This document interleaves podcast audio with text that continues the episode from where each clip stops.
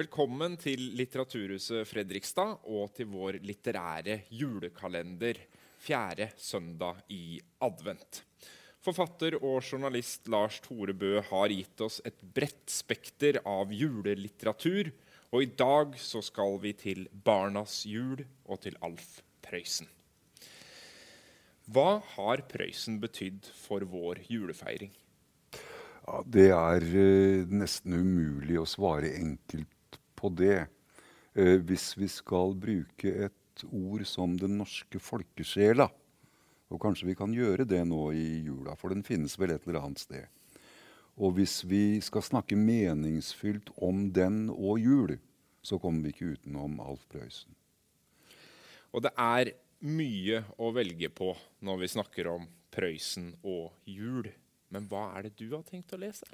Ja, dette var ikke noe lett oppgave, da, Peri. Det var liksom å uh, bla og dukke litt ned og se. Men jeg, jeg landa nå på tre fortellinger som uh, gir oss uh, kanskje Prøysen fra en litt alvorlig side og kanskje litt mindre alvorlig side. Så vi skal starte med juleglans og innmatkake. Det peneste juletreet jeg har sett i mitt liv, var juletreet i Svingen. Og det juletreet vart penere og penere for hvert år. Det rakk helt opp i taket og var dryssfullt av glitter og glasskuler, papirkørjer og lys. Åtte dager før jul pyntet de juletreet i Svingen. Menn og kjerring, den voksne sønn og de tre unga, og alle vi andre unga som bodde i grenda omkring svingen, fikk være med og se på. Sett dere pent på senga nå, så skal dere få se på, sa kjerringa. Og vi klumpe oss i hop oppi senga, skubbe og flytte oss, så det skulle bli plass til alle. Vi sa ikke et ord, vi bare såg. Helt til det var noen som banka på ruta og ropte navnet vårt. Det var utsendinger hjemmefra, store søsken, som skulle få oss tilbake til hverdagen, til vedhogging og kveldsgrauten og skoleleksa. Og da var det ikke moro å fortelle at vi hadde vært i Svingen. Ingen skulle gå dit. Folk i Svingen var møkksamme og dumme. De kunne ikke hentere penger. Ikke hadde de gris, så det ble noe julekveldsmat. Vedtomt var det i skålen der nesten støtt. Og et nytt klesplagg hadde ikke unga der fått på mange år. Hadde de tjent litt ekstra til jul, så kjøpte de juletrepynt. Hvorfor kan ikke vi ha slikt juletre som de har i svingen, da? kunne vi unga seie, der vi satt i tjukke gensere og åt blodklubb. Jo, ville du heller sitte her og fryse og ikke ha noe mat, så. Og det var forklaring nok for oss. Vi godtok den, for da skjønte vi at vi hadde det bedre enn folka i svingen. Vi hadde det bedre enn mange andre, og humor delte ut en fleskbete og litt mjølk til dem som ikke hadde. Slik var det å ha god råd, tenkte vi unga, der vi gikk i tussmørket og delte ut til dem som satt trangt i det. Den gamle kjerringa inne i skauen foldet hendene og gret da vi kom. Vi følte oss nesten som engler der vi sto ved døra og hørte hvor snille vi var. Og den giktbrøtende kallen oppå loftet i svestugu, han sa både takk og ære. Så hadde vi bare sving i natt. Humor hadde sendt meg pølse som vi skulle levere der òg. Men det er vel ikke stort hjelp i det. De greier ikke å gjemme noe til julekvelden kjem, sa mor da hun puttet pølsa i kørja. Vi kommer litt julemat, vi, sa vi da vi kom inn. Takk for det, legg pølsa på bordet, sa kjerringa. Menn satte fram stol til oss. Vi belaga oss på samme takksomheten som vi hadde møtt hos de andre som fikk julesmak. Men så flaug den vesle dotter der over gulvet og slo opp døra ut i den kalde stua. Der sto juletreet med den peneste og blankeste juletrepynten som tenkes kunne. Og så var vi unga like fattige att. Det var oppi svingen de hadde juleglansen, tenkte vi. Og så gikk vi sakte hjem att og åt innmatkaker.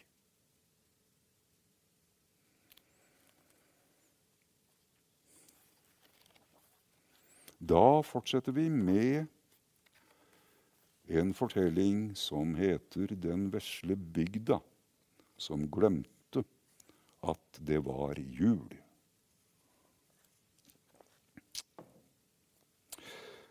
Høgt oppe i åsen lå det ei lita bygd for seg sjøl. Folk som bodde der, var akkurat slik som andre folk i andre bygder. Noen var store, og noen var små. Noen var flinke, og noen var late og noen likte fiskeboller bedre enn kjøttkaker, og noen likte kjøttkaker bedre enn fiskeboller. Så de var nokså forskjellige, men når det gjaldt én ting, var de helt like alle sammen. De var så fæle til å glemme. Og da glemte de de merkeligste ting, alle på en gang. En gang glemte de å ta på seg sko. Det hadde vært veldig varmt hele sommeren, så alle hadde gått barbeint. Og da det ble høst, glemte de å ta på seg sko. Du verdens rike, så kaldt det er nå, da, sa de til hverandre. Ja, jeg skjønner ikke åssen det skal gå hvis det blir kaldere enn det er nå, sa de. Det blir verst når snøen kommer, sa de. Og da snøen kom, gikk de barbeint ut og sa, og nå må det være mange kuldegrader. Og slik gikk de og fraus. Men så var det en dag det sto to kjerringer på et veikryss og prata med hverandre og fraus på beina. Da fikk de se en guttunge som spurte smeden om hvorfor han skodde hesten. Og da skjønte kjerringene at de hadde glemt å ta på seg sko. Så sprang kjerringene hjem og tok på seg sko, og etterpå gikk den ene kjerringa i øst og den andre kjerringa i vest og fortalte folk hvorfor de fraus på beina. Og så tok de på seg sko, alle sammen. En annen gang hadde de glemt å spise. De gikk flere dager uten mat, og til slutt ble de sjuke alle sammen og måtte gå og legge seg og ringe etter doktoren. Men han kunne ikke komme, for han hadde også glemt å spise, så han var like sjuk som de andre. Men en dag doktoren var på beina, kom det fram en musunge med en ostebit i munnen, og da skjønte doktoren hva det var de hadde glemt. Og så sto han opp og spiste, og etterpå reiste han rundt på sjukebesøk i hele bygda og sa at de bare hadde glemt å spise. Og så sto alle sammen opp og spiste, og så ble de friske igjen.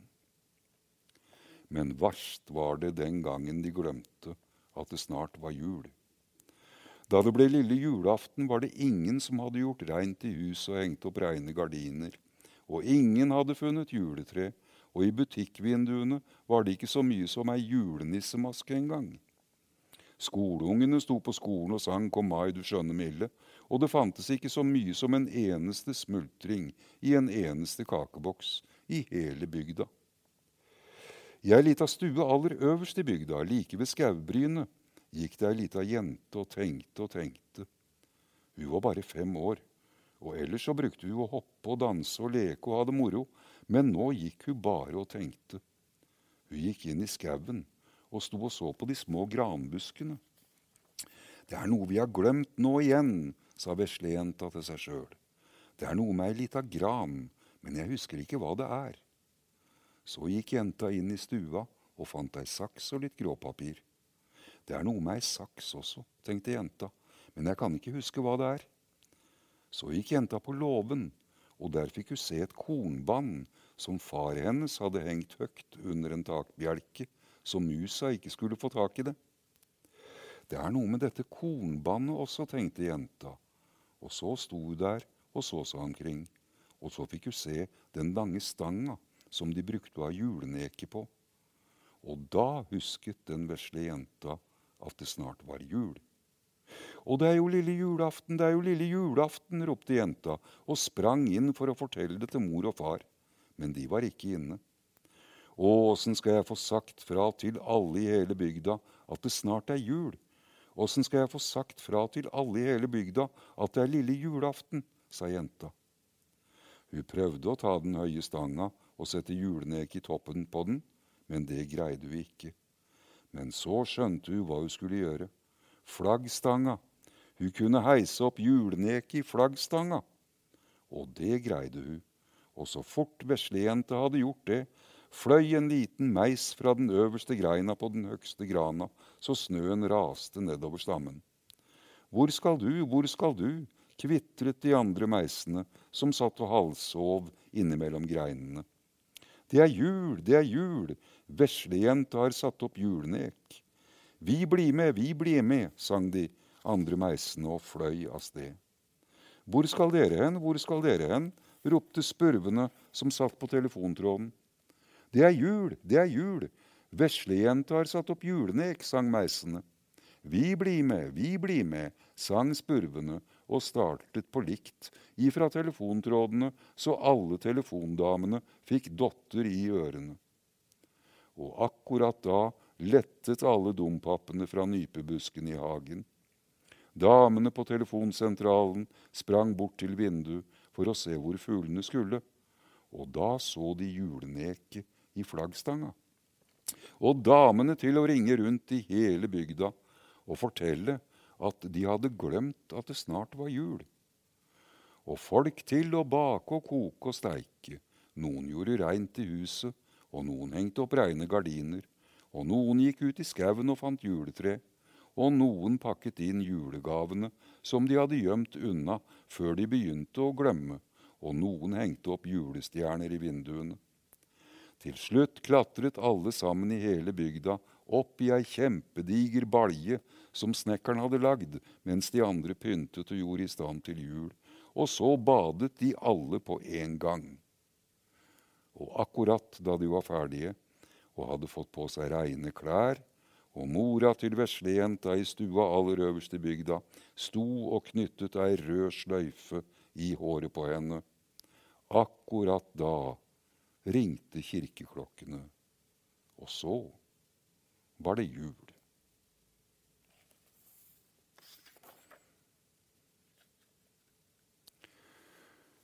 Den vesle gutten og julenissetoget. Det var en gang ei lita jente som skulle gå ned i stasjonsbyen søndagen før jul og se i butikkvinduene. Og som hun gikk bortover veien, fikk hun se en liten gutt i grå klær som satt på snøplogkanten og slang med beina. Jenta stansa, for hun hadde aldri sett den vesle gutten før, og hun visste at når de var så små som han, så fikk de ikke lov til å være ute alene etter at det hadde blitt mørkt. Hvorfor sitter du her, sa jenta. For ikke noe akkurat, sa gutten. Han hadde så tynn, rar stemme. Har faren og moren din gått ifra deg for å se på juleutstillingen? spurte jenta. Kom og bli med meg nå, sa, så skal vi nok finne dem igjen, sa hun og tok gutten i handa. Han hadde ikke votter på seg, men han var god og varm. Nå skal vi gå og se på alle nissene i butikkvinduet, vi, sa jenta. Nisser? Hva er det for noe, sa gutten. Vet du ikke hva nisser er, lo jenta. Da skal du jammen få se det snart. Og så gikk de til de, som, til de kom utafor den store butikken. Der hang det nissemasker i alle vinduene, og i det største vinduet var det et tog. Et stort le leketog. Og i alle vognene satt det nisser, og toget hadde ordentlig lys og gikk gjennom tunneler og over bruer. Der ser du nisser, sa jenta. Heter alle vognene nisser, sa den vesle gutten. Nei da, sa jenta, men de små mennene som sitter i vognene, det er nisser. Ja, det er ikke ordentlige nisser, altså. For det er ikke noe som heter nisser. Det er bare noe vi sier når det er jula. Det er bare bitte små unger som tror på nisser. Sånne små unger som meg, sa gutten. Da vil jeg jammen tru på nissene. Morgennisser, ropte han, og jenta ble helt paff, for alle nissene smilte og blunka med øynene til den vesle gutten. Alle som sto og så på, sa Neimen, du store verden, tenk at nissene kan blunke med øynene og smile. Ja, nå finner de på mye rart for å lokke penga av folk. Men jammen var det moro. Nå skal vi stå her og se om nissene snart smiler igjen. Men nå satt nissene akkurat som før, stive i ansiktet, med røde, små luer, og kjørte inn i tunneler og ut av tunneler. og en av de minste nissene som satt i den siste vogna, holdt på å dette ut. Hver gang toget skulle svinge opp på brua, så lente nissen seg mer og mer over på sida. Pass deg så du ikke detter ut, nisse, ropte den vesle gutten. Og nissen gjorde et kast på seg og satte seg rett opp og fint midt i vogna. Og nå ropte folk ende over seg. Maken til morsomme nisser! Ja, i år har de jammen vært flinke til å lage vindusutstilling her. Nå skal vi se om de andre nissene gjør noe rart. Men nissene bare satt så stive som pinner og kjørte over bruer og forbi små stasjoner. Er det ikke en nissestasjonsmester her, da? sa gutten. Nei, det er nok ikke det, sa jenta. Det kan vel hende, sa gutten. Titt deg, nissestasjonsmester, ropte gutten. Og med en gang kom det ut en liten stasjonsmester og blåste i fløyta si og smatt inn igjen nesten før noen hadde sett ham. Nei, men det var nå det morsomste, sa de som sto og så på. Det må være noen som dirigerer det hele inne fra butikken. Vent litt nå, så kommer han nok ut igjen. Men stasjonsmesteren kom ikke ut igjen. Og toget gikk i kroker og svinger, gjennom tunneler og over bruer. De må da bli slitne av å kjøre slik og aldri stoppe, sa gutten. Sånne tøysenisser blir vel ikke slitne, vel, sa jenta. Og de voksne lo. Det der er jammen en troskyldig liten gutt, sa de. Tenk at han tror nissene er levende. Jeg tror det jeg vil, jeg, sa gutten. Og nissene er slitne nå. Nå kan dere stoppe, ropte gutten. Og akkurat da stoppa toget. Å, det begynner nok snart å gå igjen, sa folkene som sto og så på. Vi får stå og vente. Det begynner ikke å gå igjen nå, vel, jeg ba dem jo om å stoppe, sa gutten. Så får du be dem om å kjøre videre også, da, sa folkene, for nå begynte de nesten å bli litt sinte på gutten. Ja, så kjør videre da, hvis dere vil, sa gutten, men nå må jeg gå hjem. Og så begynte toget å kjøre igjen, og jenta tok gutten i handa, og så gikk de bortover veien. Nå får du si meg hvor du bor hen, da, sa jenta. Jeg bor i nisseland, lo gutten. Jeg er en liten nisse. Å nei da, sa jenta, men åssen kunne du få nissene til å smile og gjøre akkurat det du sa til dem? Det hadde vel du greid også, det, sa gutten. Nei, det hadde jeg vel ikke, sa jenta. Å nei, du hadde vel ikke det, men det var noe nære på, sa den vesle gutten. Morna, takk for i kveld og god jul, sa han, og sprang inn på en sidevei og ble borte. Tusen takk, Lars Tore. Ordentlig julestemning. Neste gang vi møter deg, det er på sjølveste julaften. Hva er det du skal lese da? Da skal jeg lese juleevangeliet. Men vi skal også ta med en klassiker fra det vi kan kalles for julelitteratur. da. H.C. Andersen, 'Piken med svovelstikkene'. Oh. Det blir fint. Det gleder jeg meg til. Vi ses.